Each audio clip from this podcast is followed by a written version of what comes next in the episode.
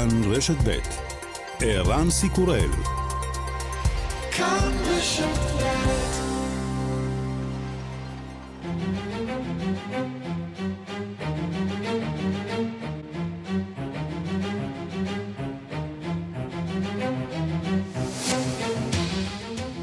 28 במאי 2023 והיום בעולם. מתקפת האביב של אוקראינה מתקרבת ואיתה התוקפנות הרוסית. אוקראינה מדווחת כי רוסיה שילחה הלילה את מתקפת המל"טים הגדולה ביותר מאז תחילת המלחמה. משרד ההגנה בקייב אומר כי מערך ההגנה האווירית הצליח להפיל 52 מתוך 54 המל"טים מתוצרת איראן ששלחו הרוסים. שר ההגנה אולקסי דנילוב אומר אתמול כי המתקפה עשויה להתחיל היום, מחר או בעוד שבוע. בטורקיה נפתחו הקלפיות בסיבוב השני בבחירות לנשיאות, והמועמד הכמעט ודאי לניצחון הוא הנשיא ארדואן. בסיבוב הראשון לפני שבועיים לא קיבל שום מתמודד לפחות 50 אחוזי תמיכה. תוצאות ראשונות של הבחירות צפויות להתקבל בשעות הערב המאוחרות. ימים לפני המועד האחרון הגיעו הבית הלבן ונציגי הרפובליקנים בבית הנבחרים להסכם על הגדלת תקרת החוב בתמורה לקיצוץ בהוצאות הממשל. הנשיא ביידן סיכם עם היושב ראש הרפובליקני של בית הנבחרים קווין מקארתי את עיקרי הפשרה. כעת תובא התוכנית לאישור הקונגרס, וגם סלין דיון מבטלת רשמית את סיבוב ההופעות אחרי שאובחנה בתסמונת הנורולוגית האדם הנוקשה. השעה הבינלאומית שעורכת תימור טל בביצוע הטכני רומן סורקין ושמעון דוקרקר, אני ערן סיקורל, אנחנו מתחילים.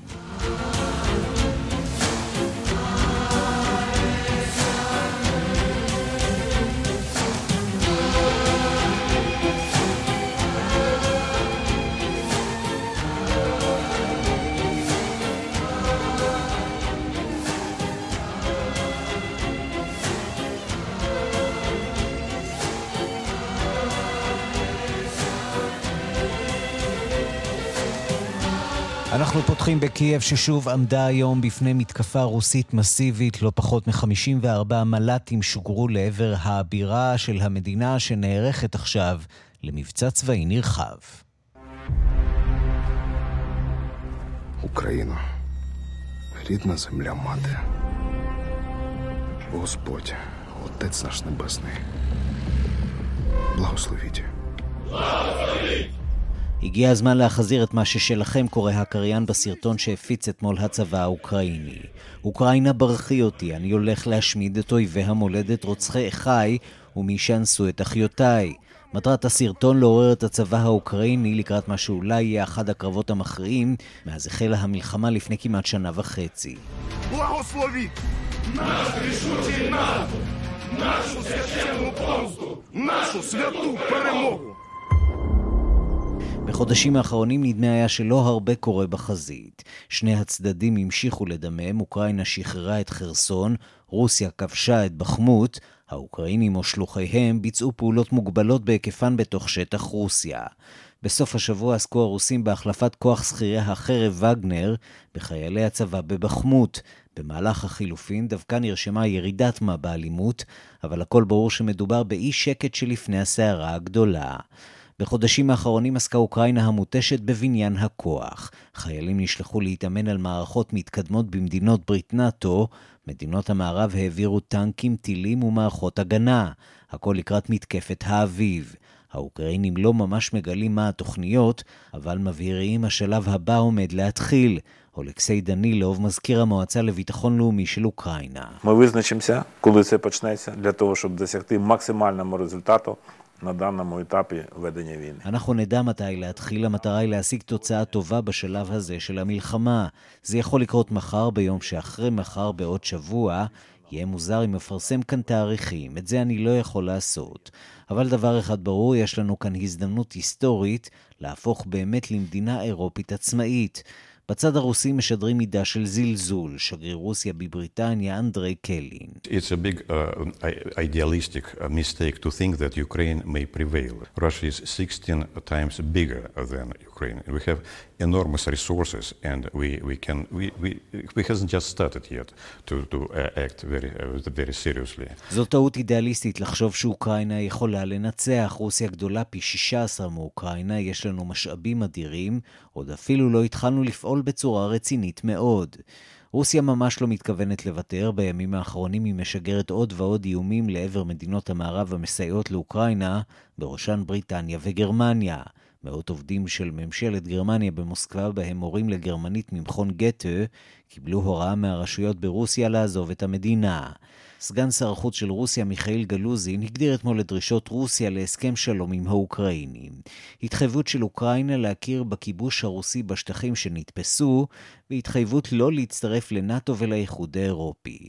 רוסיה למעשה רוצה כניעה מוחלטת של אוקראינה, קייב ממש לא מתכוונת להיענות לדרישות.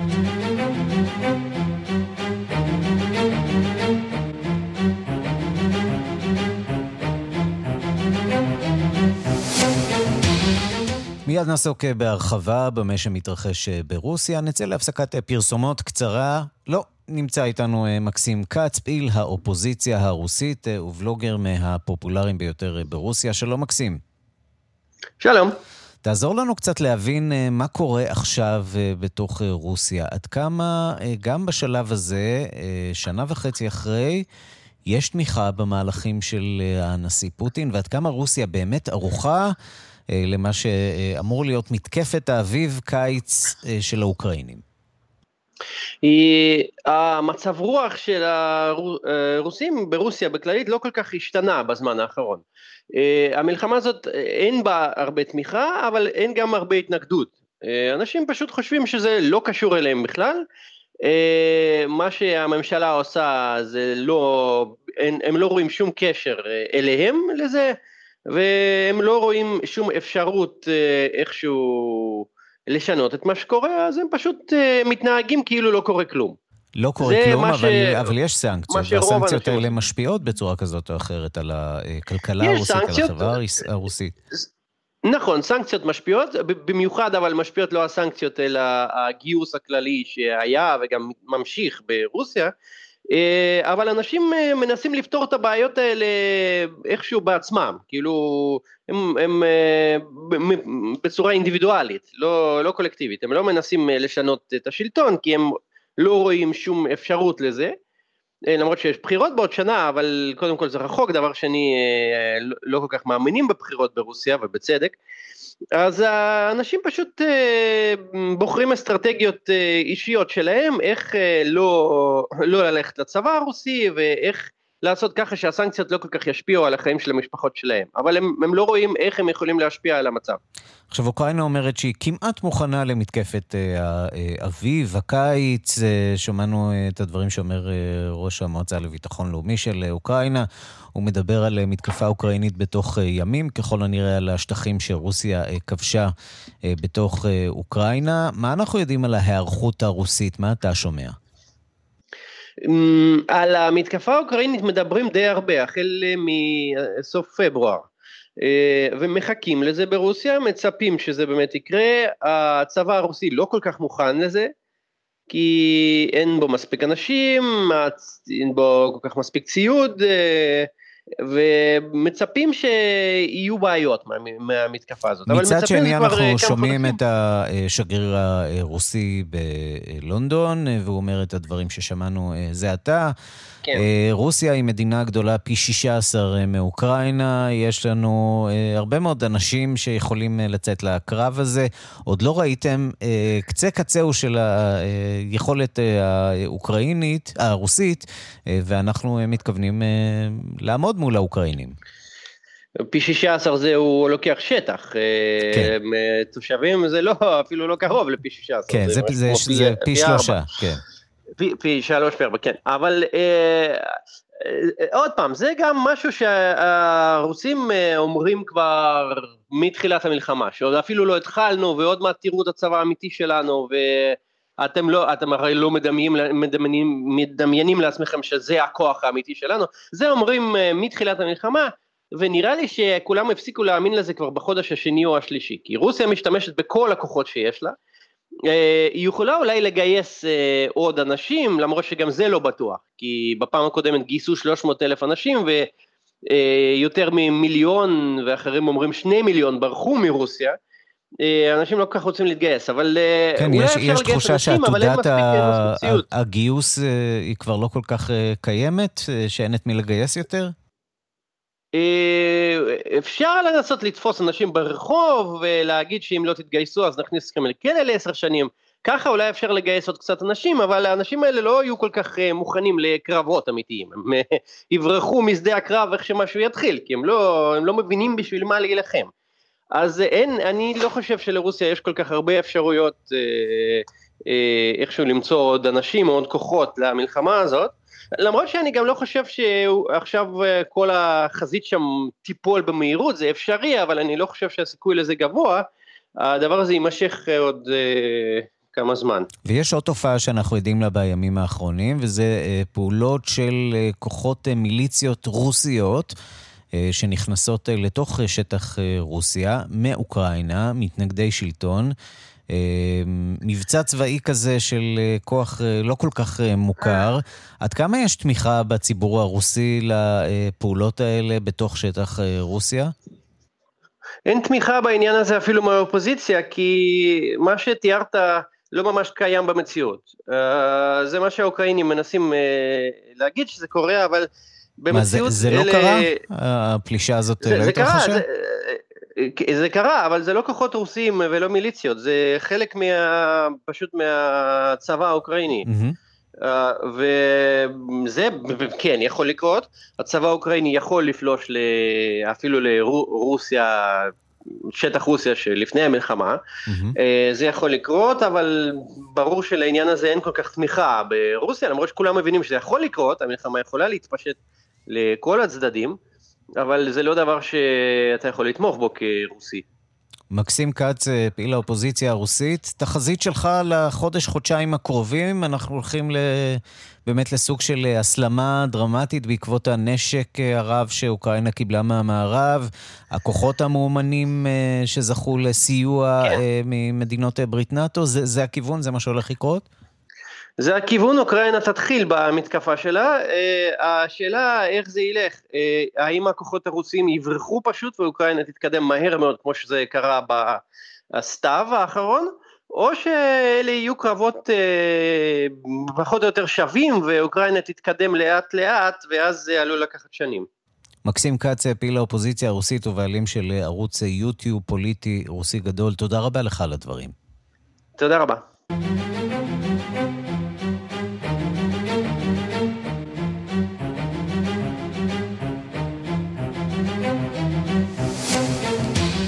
הקלפיות בבחירות אה, בטורקיה נפתחו, זהו סבב הבחירות השני. המועמד הכמעט ודאי לניצחון הוא הנשיא ארדואן. בסבב הקודם, לפני כשבועיים, הוא לא קיבל 50 אה, אחוזי אה, תמיכה, אבל היה מאוד מאוד קרוב לזה.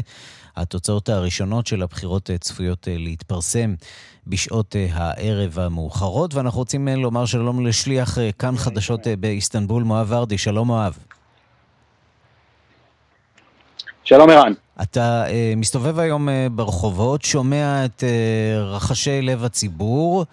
Uh, אפשר להניח שאיסטנבול uh, אולי נותנת תמונה uh, קצת מעוותת של המציאות, uh, כיוון שיש שם תמיכה גדולה למתנגד של ארדואן, אבל uh, העם למרבה הצער או למרבה השמחה, תלוי את מי שואלים כמובן, עם ארדואן.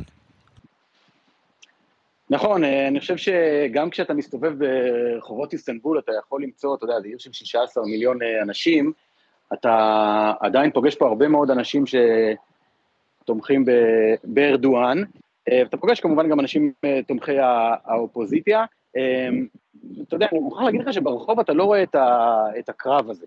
זאת אומרת, אתה לא רואה ויכוחים, שלטים, חצוצרות, קריאות, כמו שאולי אתה רואה בישראל, נגיד מחוץ לקלפיות, או ביום בחירות אתה רואה משהו מאוד אה, אה, דרמטי. אה, אבל כן, אין ספק שזה קרב, אה, אני חושב ש, ש, ש, שזה קרב על נפשה של טורקיה, אתה מבין? זאת אומרת, אה, זה שני, אה, שני מנהיגים, או, או שתי קבוצות אידיאולוגיות, ש, שמציגות חזון שונה לגמרי, הפוך, לגבי טורקיה. מבחינת האנשים שתומכים בארדואן, הם משוכנעים שהוא ה, ה, האדם היחיד שיכול לתת להם את מה שהם צריכים, וזה נוגע בזהות לאומית ודתית ומוסלמית, ואיזושהי תחושת עוצמה, לעומת תומכי האופוזיציה שרואים בו, כמו שמישהו אמר לי, אני מצביע לקיליץ' דרולו, למנהיג האופוזיציה, כי אני מרגיש שאנחנו חייבים לצאת מ, מהחשיכה האסלאמיסטית הזאת שנכפתה עליהם. זאת אומרת, אה, זה נוגע בדברים המהותיים ביותר בחיים של האנשים, זה לא רק איזה בחירה, אתה יודע, בין איזה ימין לשמאל כזה, כמו שלפעמים אנחנו רואים ב, בדמוקרטיות במערב. אמ, ו... זה במידה רבה ש... אה, אה, סוג של מאבק על זהות המדינה. קצת, קצת ישראל לגמרי. הראשונה, ישראל השנייה, טורקיה הראשונה, טורקיה השנייה, נכון? הייתי אומר, הייתי אומר יותר מזה. תראה, יש הרבה מאוד... אמ, זאת אומרת, ארדואן מנגן על שני דברים, אחד זה הזהות הדתית, אמ, מסורתית, שנותן לאנשים תחושה של שייכות לאיזה ערכים שהם מאוד מאוד חשובים להם, אמ, מול האופוזיציה שהיא יותר חילונית, אה, יותר מערבית, פחות אה, לאומית, הייתי אומר, יותר ערכים אוניברסליים, אבל יש גם הרבה מאוד אנשים שמצביעים לארדואן שהם חילונים לגמרי, אבל מצביעים לו בגלל שהוא הצליח למצב איזה נרטיב של איזה מין טובים מול רעים, בגישה מאוד פופוליסטית שמאפיינת מנהיגים פופוליסטים של בעצם השכבות החלשות, הפשוטות, זה מוכר לנו השיטה הזאת, כן. נכון, זה, זה גם טראמפ קלאסי במובן הזה. אה, אז זאת אומרת, אה, אתם למטה, אלה שנמצאים בשכבות החלשות, אתם הטובים, ויש איזה רעים, איזה אליטה שרוצה לחבור לכוחות המערב, שכל הזמן מנסים להצר את צעדיה של טורקיה ולפגוע בה, ואני ארדואן המגן, המגן של טורקיה שלכם, מול הרעים ההם, ובמובן הזה האופוזיציה היא כאילו הרעים. בואו נשמע כמה קולות של אה, מצביעים שהגיעו היום לקלפיות כאן באיסטנבul. Bu seçimden umut bekliyorum, ee, gelecek bekliyorum gençlerimiz için, e, milletimiz için. Bu bir referandum. Umarım her, e, vatandaşlarımız da en doğru kararı verir. Görünüşe göre Recep כן, Tayyip Erdoğan אומר המצביע הזה שמבחינתו הסיפור היום הוא הקרב על העתיד, על העתיד של הילדים, על העתיד של הדור הבא של טורקיה, וזה קרב שחייבים לנצח בו, ואדם אחר אחריו אומר שארדואן צפוי לנצח, כי בסופו של דבר האופוזיציה עשתה טעויות, וארדואן זוכה לתמיכה רחבה מאוד פה. עכשיו צריך להגיד, ערן, חלק מהמיסוד כוחו של ארדואן זה הדברים שדיברנו עליהם עד עכשיו, ויש גם עוד חלק, וזה האופן שבו ארדואן משתמש בשלטונו באופן מאוד אה, אוטוריטרי, אמ, כלי התקשורת פה ניצבים לצידו, לא רק הערוץ הציבורי, כמו התאגיד אה, שלנו שפשוט עובד עבורו, גם ערוצים מסחריים פרטיים אה, של אנשי עסקים ששולטים בערוצים האלה, נמצאים בבעלותם, ופשוט לא נותנים לאנשי האופוזיציה לבוא, להתראיין ולהשמיע את דעתם, זאת אומרת, זה מאוד מאוד דומיננטי פה. הכל ביחד מייצר מצב שבו אתה פוגש לא מעט אנשים שאומרים, כן, המצב הכלכלי קשה, וטורקיה בהתרסקות כלכלית לא פשוטה, ועדיין אנחנו בוחרים בארדואן כי מבחינתם הם לא מסוגלים לחשוב על אופציה אחרת לנהל את המדינה הזאת. הוא היחיד שיכול לנהל את המדינה הזאת, ומועמד האופוזיציה נראה נאיבי מדי, חלש מדי, לא מישהו אה, רב כוח בעוצמה, או לא מישהו שמשדר כוח בעוצמה, כדי שייתנו לו את ההצבעה. עכשיו, ההערכות הן שארדואן לוקח, זאת אומרת, אה, תסריט שבו ארדואן מפסיד הוא תסריט מאוד מאוד אה, מפתיע, זאת תהיה הפתעה מאוד מאוד גדולה. יחד עם זאת, צריך להגיד, אה, גם לפי הסקרים פה, ארדואן זוכה ב-52-53 אחוזים, זה לא פער נורא גדול, ויש... זה אומר ש... שהעם חצוי בצורה מאוד מאוד ברורה וסימטרית יחסית. מואב ורדי, שליח כאן חדשות לטורקיה, תודה לך. אתה כמובן ממשיך לדווח גם בעולם היום שמיד אחרינו בכאן 11. וגם אה, לאורך היום עם אה, תוצאות ההצבעה שיזרמו משם, מטורקיה. תודה רבה לך על הדברים. תודה. ושלום לדוקטור נמרוד גורן. שלום ערן. נשיא מכון מתווים ועמית אה, מחקר בכיר במידל איסט אינסטיטוט שבארצות הברית. זה נראה סיפור סגור, נכון?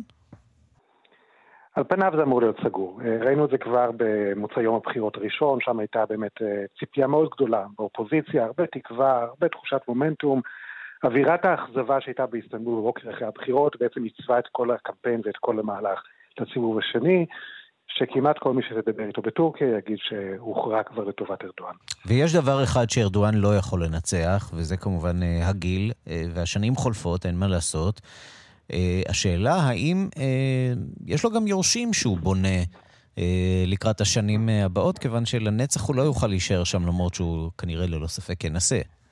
זה נשמע שזה יותר הבריאות מאשר הגיל, כי הגיל של ארדואן הוא לא כל כך מתקדם, אבל סימני השאלה לגבי הבריאות שלו מלווים אותו כבר כמה שנים, כולל במהלך הקמפיין שהוא הרגיש לא טוב, והיה צריך לעצור לכמה ימים.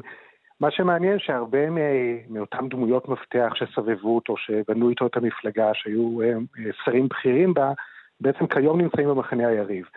בין אם זה עלי בבג'אן או אחמד אבוטולו, אחד היה ראש ממשלה, אחד היה שר כלכלה, אנשים שבעצם נטשו אותו לאורך השנים בגלל הסגנון, בגלל הריכוזיות, ולכן לא לגמרי ברור אם יש שם איזה דמויות משמעותיות שהולכות וצומחות, יש לו מעגל יועצים מאוד קרוב, אבל זה באמת איזשהו מעגל אמון סביב מנהיג אחד ששולט על המערכת, אה, והדרך ליורש אה, ברור עוד ארוכה. בוא נגיד כמה מילים על היחסים, גם עם ארצות הברית, אה, גם עם ישראל. אלה יחסים מדורדרים במיוחד עם ארצות הברית. דווקא עם ישראל יש איזו מידה של יציבות בשנים האחרונות. כאן מתייחסים לבחירה שלו כ... better the devil you know. כבר מכירים, יודעים לעבוד עם אה, ארדואן, יודעים שזה מתפרץ אחת לכמה זמן, אבל גם יודעים מה, מה, מה קוד ההפעלה של הצרה הזאת.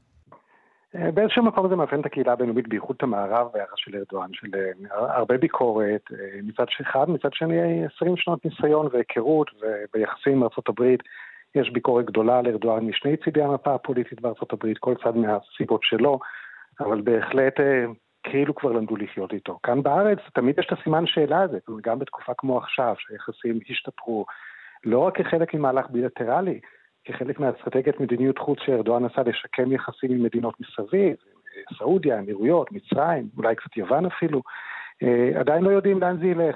האם הסבב הבא בעזה, האם המתיחות הבאה בירושלים, האם זה יהיה הדבר שיחזיר דברים לאחור? במידה מסוימת אה, היו לנו כמה ניסיונות אה, בשנה-שנתיים האחרונות. אה, ארדואן לא שבר את הכלים. נכון.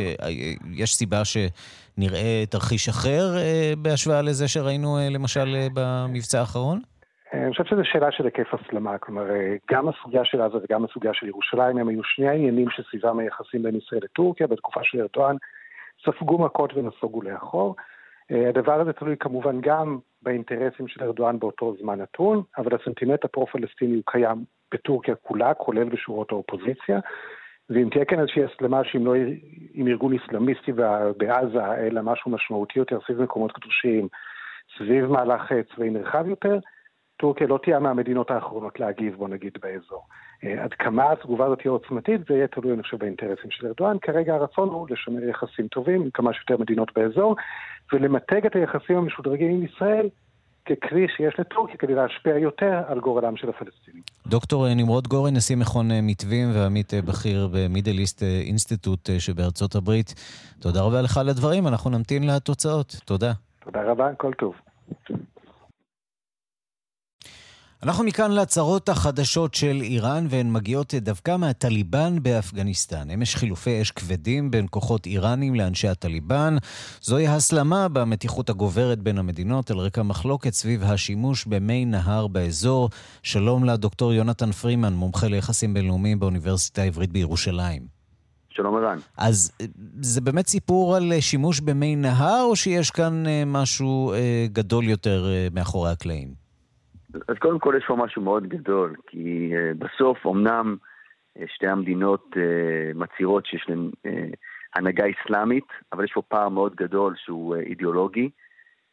האיראנים היו מאוד מאוד שמחים שהאמריקאים עזבו, ונראה שהיה פה איזה ניצחון של עם מקומי כנגד אימפריה כזאת כמו שהאיראנים רואים את זה, אבל מצד שני, אה, יש לנו אה, מקום שהוא שיעי מבחינה איראני, מקום סוני אה, מבחינת הטליבן, וזה דבר שכבר מייצר פערים מאוד גדולים, שגם מקבלים כרגע ביטוי במאבק הזה על הנהר. אתה אומר זה קרב בין שיעים לסונים בעצם.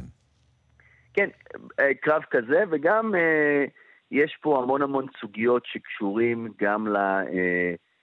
סחר בין המדינות, צריך גם לזכור שזה לא האירוע הראשון מבחינת uh, תקרית ירי בגבול, זה גבול גם מאוד מאוד ארוך, וזה גם מגיע לאחר איומים מבחינת האיראנים, שבסוף צריכים את הנהר הזה מבחינת המים. יש שם מחסור חמור מאוד מאוד במים, ויש פה גם טענה שהאפגנים מפרים אמנה, הסכם שהיה ביניהם לפני עשרות שנים. בואו נדבר על מה קרה באמת שם בגבול, כיוון שהמידע שמגיע משם הוא חלקי ולא ברור כמה זמן הסיפור הזה מתמשך ו- ובאיזה היקף וכמה הרוגים יש שם באזור. מה אתה שומע? קודם כל שיש פה הרבה הרבה אי ודאות. צריך לזכור שאומנם הטליבן שולטים באפגניסטן, יש המון המון חשש מצד הרבה גורמים בעולם וגם באיראן, שהטליבן לא בדיוק שולט שם.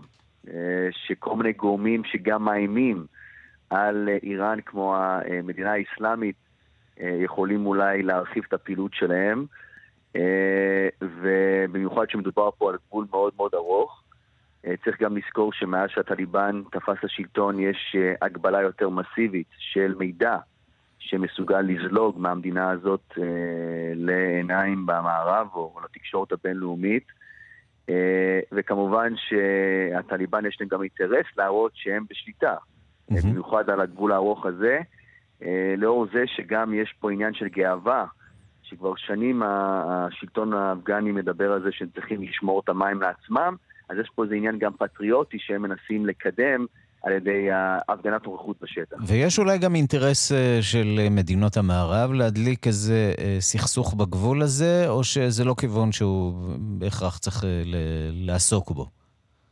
יכול להיות שהיחסים בין המערב לאפגניסטן, שאומנם, כמו שאמרנו, איך שזה התחיל, הם עזבו, אבל יש לאחרונה יותר משא ומתן עם הטליבן, גם בהקשר של כל מיני נכסים. שיש לממשלה האפגנית בכל מיני בנקים שהם רוצים לקבל בחזרה, אז יכול להיות שהמיקום אה, מחדש של הטליבן, או הפוטנציאל למיקום מחדש בהקשר של יחסים עם המערב, אה, מעורר יותר זעם אה, בקרב האיראנים, שהם כמובן מתמודדים בעוד סוגיות כמו הגרעין האיראני ודברים אחרים, אז, אז כשמדובר עכשיו על סוגיה שגם יכולה לתת כוח לאופוזיציה באיראן, בהקשר של אין מים, ויש לנו מחסור מים, והנה זה הפתרון. Uh, המיקום הזה יכול אולי לתת יותר מוטיבציה uh, לאיראן uh, לעשות שרירים למול מדינה שהם אולי תופסים אותה כמדינה שכרגע אין בעל בית מסודר. דוקטור יונתן פרימן, מומחה ליחסים בינלאומיים מן האוניברסיטה העברית בירושלים. אנחנו כמובן נמשיך לעקוב אחרי החזית המעניינת הזאת שבין הטליבן לאיראן. תודה רבה לך על הדברים. תודה, ערן.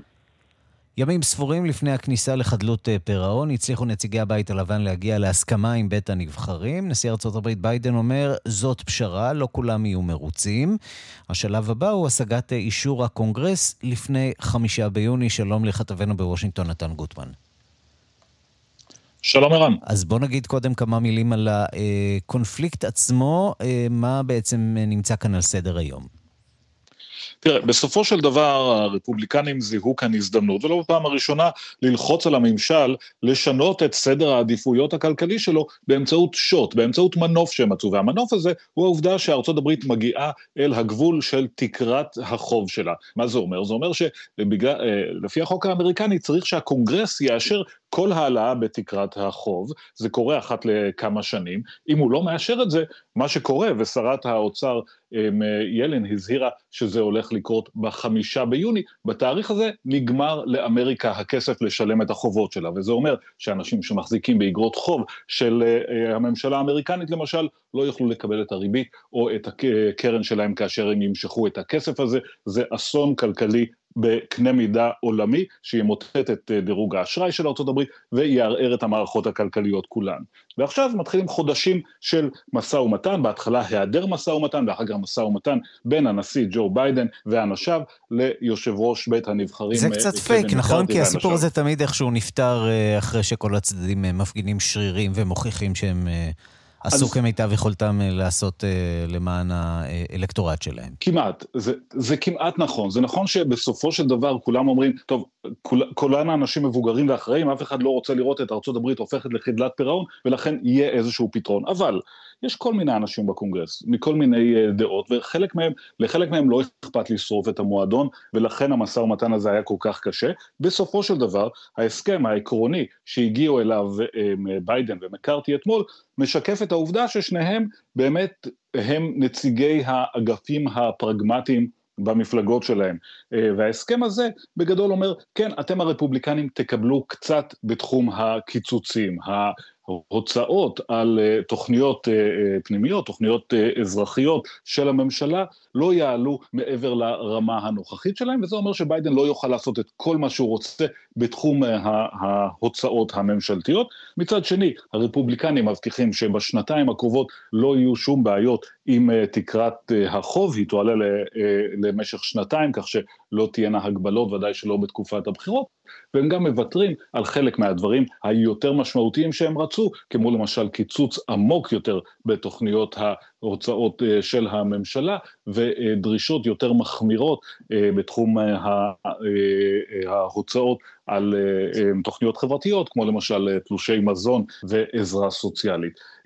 והפשרה הזאת נשמעת סבירה, הבעיה היא שהשעון עדיין מתקתק, זה שביידן ומקארתי הסכימו באופן עקרוני זה נחמד, אבל זה עדיין לא החוק. עכשיו צריך לחזור לקונגרס, אגב, ארה"ב נמצאת בחופשה של אה, יום הזיכרון אה, בסוף שבוע הזה, mm-hmm. הקונגרס רק יחזור ביום רביעי, הקונגרס צריך לאשר את זה. ובצד הרפובליקני יש אנשים, ואנחנו מכירים את האנשים האלה, זה אותם אנשים שמיררו למקארתי את החיים כשהוא ניסה להיבחר לתפקיד היושב ראש. יש אגף ימני שם, שאולי לא יסכים לפשרה הזאת, ואז השאלה היא האם אפשר לקושש את הקולות האלה בזמן המאוד קצר שנותר עד החמישה ביוני, כדי לגרום לכך שהפשרה הזאת אכן תהפוך לחוק. כן, אז תם ועדיין אה, לגמרי לא נשלם. נתן גוטמן, כתבנו בוושינגטון, תודה. תודה, ערן. אנחנו מכאן אה, לפסטיבל הסרטים הבינלאומי של כאן, שננעל אמש אה, בטקס חלוקת הפרסים לזוכות ולזוכים, בראשם הבמאית הצרפתייה ז'וסטין טריה, שניצלה את הבמה לנאום פוליטי חריף נגד אה, הממשל. הדיווח של כתבנו, שליח כאן לכאן, גדעון קוץ. ההפגנות והשיבושים שבהם איימו מתנגדי חוק הפנסיה על פסטיבל כאן נחסכו בסופו של דבר ברובם ממנו, אבל ברגע המכריע בטקס הענקת הפרסים הנחיתה עליו דווקא הזוכה בפרס הגדול, דקל הזהב, הבמאית ג'וסטין טריה, מכה מכרעת בנאומה נגד הדיכוי של השלטון, כולל פגיעה בענף התרבות ובקולנוע, אבל בעצם סימלה בכך את חופש הביטוי והתרבות שנותרו בצרפת. Historique extrêmement puissante, unanime, de la réforme des retraites. השנה הייתה מחאה היסטורית חזקה ומאוחדת בצרפת נגד חוק הפנסיה, היא אמרה, והיא דוכאה בצורה מזעזעת על ידי שלטון פוליטי חסר מעצורים בכל התחומים. התחום החברתי הוא המזעזע ביותר, אבל גם התרבות והקולנוע לא ינקו. הפיכת התרבות לסחורה הורסת את הייחוד התרבותי הצרפתי, שבזכותו אני כאן. סרטה של טריה, אנטומיה של נפילה, עוסק באופן מרתק, גם אם דידקטי, במשפטה של סופרת גרמניה שנאשמת בהריגת בעלה הצרפתי ובשחזור יחסיהם. הפרס הוענק לה על ידי כוכבת העבר הנמרצת ג'ין פונדה, בת ה-86, שציינה את העובדה שהשנה לראשונה לא פחות משבע נשים במאיות השתתפו בתחרות. Seven women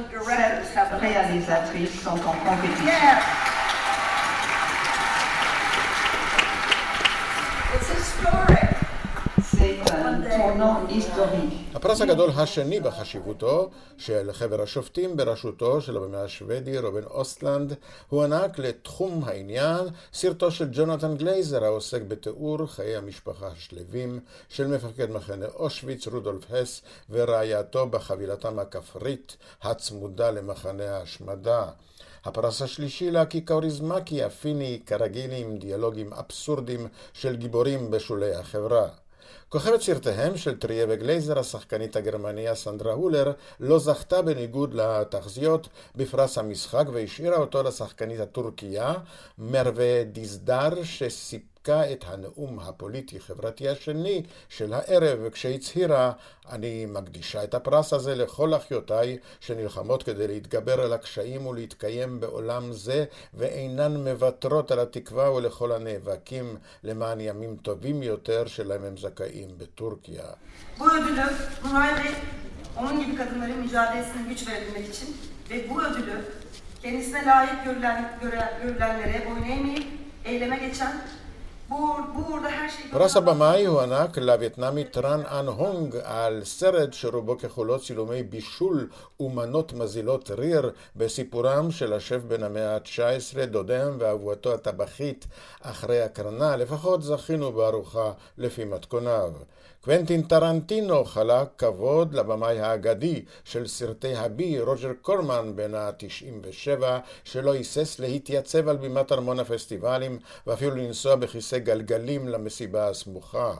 במאיות נשים ערביות שנעשה להן קידום יחסי ציבור בפסטיבל על ידי מדינות כמו סעודיה, ירדן או האמירויות זכו בפרסים חיצוניים, כמו פרס הסרט התיעודי לאסמד אל-מודיר מירדן על סרטה האימא של כל השקרים, ולקאוטר בן חניה מתוניסיה על סרטה ארבע בנות של אולפה, שמנסה להסביר את התגייסותן של שתיים מהן לארגון הצבא האסלאמי. היא זכתה גם בפרס האזרחות שבין יוזמיו ארגונים יהודים, למרות שסירבה לדבר עם ישראלים. ואת זיקוקי הדינור המרהיבים שסגרו את הפסטיבל מימנה חברת דיסני שהציגה בבחורה עולמית את סרטה המצויר החדש אלמנטל על אנשי האש והמים. כאן גדעון קוץ, מכאן. השעה הבינלאומית אה, ממשיכה עם חדשות חוץ ברדיו. בטלוויזיה תוכלו למצוא את העולם היום בשלוש. איתך מיכל רשף. שלום מיכל. שלום ערן, צהריים טובים. אז מה היום על סדר היום שלכם? תראה, אז אנחנו נהיה כמובן אה, בטורקיה עם אה, מואב ורדי, שליחנו שם, על היום המאוד מעניין שהולך להיות לנשיא טורקיה ארדואן, שבעצם עומד בפעם הראשונה בחייו לסיבוב שני בבחירות לנשיאות שם, אה, מואב ככה מסתובב בשכונות, הוא שוחח שם עם אה, מצביעים, נשמע ככה ננסה לחוש את הדופק ב- ביום הזה שם. נהיה גם עם סיפור ההופעה המאוד שנויה במחלוקת, אה, מאוד בעייתית, של רוג'ר ווטר, סופה שעכשיו נחקרת על ידי הרשויות בגרמניה, שליחנו דוב גילהר, נמצא בפרנקפורט לקראת הופעה של רוג'ר ווטרס הערב, אז הוא יהיה שם, יספר קצת על ההפגנות הצפויות שם. נהיה גם בארגנטינה עם אה, יונתן כהן, שליחנו לשם, על המונדיאליטו, על המשחק הבאמת אה, סנסציוני ומדהים שהיה אתמול של אה, נבחרת ישראל כנגד כל הסיכויים. וגם בצרפת, על הסיום של פסטיבל כאן, הסרט הזוכה, במאית שזוכה בפעם השלישית בהיסטוריה של הפסטיבל הזה, אז אנחנו גם נדווח משם, וגם עוד טעימה אחת קטנה, ערן, על בריאן ג'ונסון, מיליונר אמריקני בן 45, שעושה החלפת פלזמה עם הבן שלו, בן ה-17, כדי להישאר צעיר לנצח. אנחנו נספר גם את הסיפור שלו. או-אה, מעניין איך זה יעבוד לו. מיכל רשף, תודה. תודה.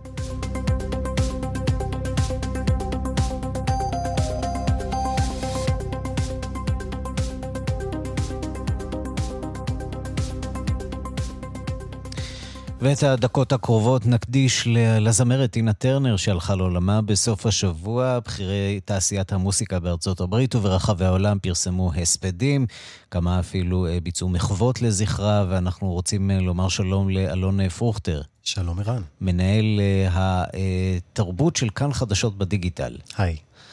אה, טינה טרנר, אבדה גדולה מאוד אה, למוסיקה העולמית, למרות שלא הייתה מאוד פעילה בשנים האחרונות, כבר לא צעירה. נכון, מאוד נפטרה ביום רביעי בביתה, בשוויץ, שם היא חיה בשלושת העשורים האחרונים. למה שוויץ, אגב?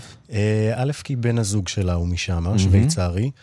צעיר ממנה ב-16 שנה, הם נישאו לפני משהו כמו עשור בערך, וכן, היא גם התראיינה בזמנו, היא הייתה מחלקת רעיונות אה, מאוד אה, במשורה בשנים האחרונות.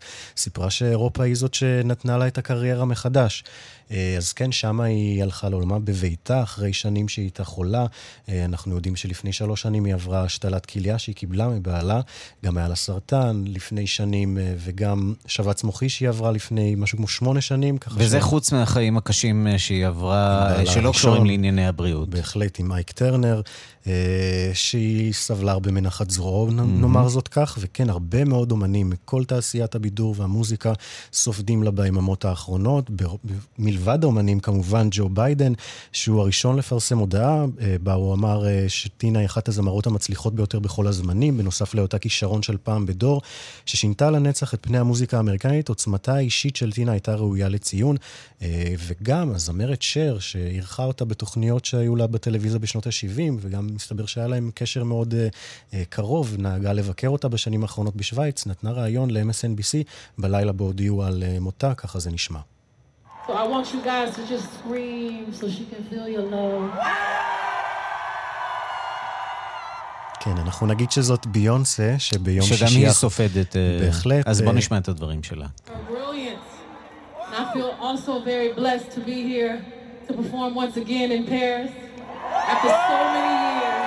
כן, ביונסה ביום שישי האחרון הופיעה במסגרת אה, סיבוב ההופעות העולמי שלה בפריז, שם היא אמרה, אם אתם מעריצים שלי, אתם מעריצים של טינה טרנר, לא הייתי עומדת על הבמה הזאת בלי טינה טרנר, אז אני רוצה שפשוט תצעקו כדי שהיא תרגיש את האהבה שלכם. אני כל כך מבורכת על כך שזכיתי לראות את הגאונות שלה, הם אפילו הופיעו ביחד באחת ההופעות האחרונות של טרנר על הבמה, בגרמי של 2008, וכך נשמעה שר ביום שבו טינה טרנר הלכה לעולמה.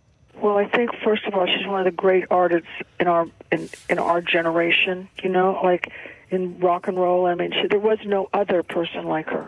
You know, there's there's no other person even could come kind of close to who she was.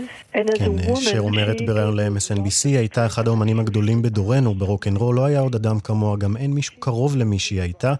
כאישה היא נתנה לנו הרבה כוח ועוצמה, ואני משוכנעת שהיא חיזקה הרבה נשים צעירות. היא חיזקה גם אותי כמה פעמים, גם אני חיזקתי אותה. אני חושבת שככה היינו חברות מתאימות אחת לשנייה. אה, נגיד, בגיל 83 הלכה לעולמה. עכשיו גם התבשרנו שבבראונסוויל, העיירה בטנסי, ששם היא בעצם נולדה וגדלה, ראש העיר מקבל עכשיו אה, מימון ואישור מהמועצת העיר להקים אה, פסל זיכרון לזכרה. זה ש... הרי מתבקש, היא כמובן, דמות אמריקאים... שגם ויזואלית הייתה כל כך מזוהה, כל כך דרמטית. נכון מאוד, ובסוף השבוע נציגים מטעמה אה, עדיין לא פרסמו פרטים אה, ספציפיים על מיקום הלוויה ועל מועד הלוויה, אבל אנחנו יודעים שהיא הולכת להיות מצומצמת מאוד בנוכחות המשפחה וחברים קרובים. שני ילדים שלה הלכו לעולמם בשנים האחרונות. אה, אבל כן, יש לה נכדים וכלות והרבה מאוד חברים, בראשם אופרה ווינפרי, ש... באמת הייתה קרובה אליה, ואנחנו כנראה עוד נשמע עליה הרבה בתקופה הקרובה. כן, תחסר uh, לכולנו. המוזיקה שלה נשארת. אלון פוכטר, תודה. תודה, ערן.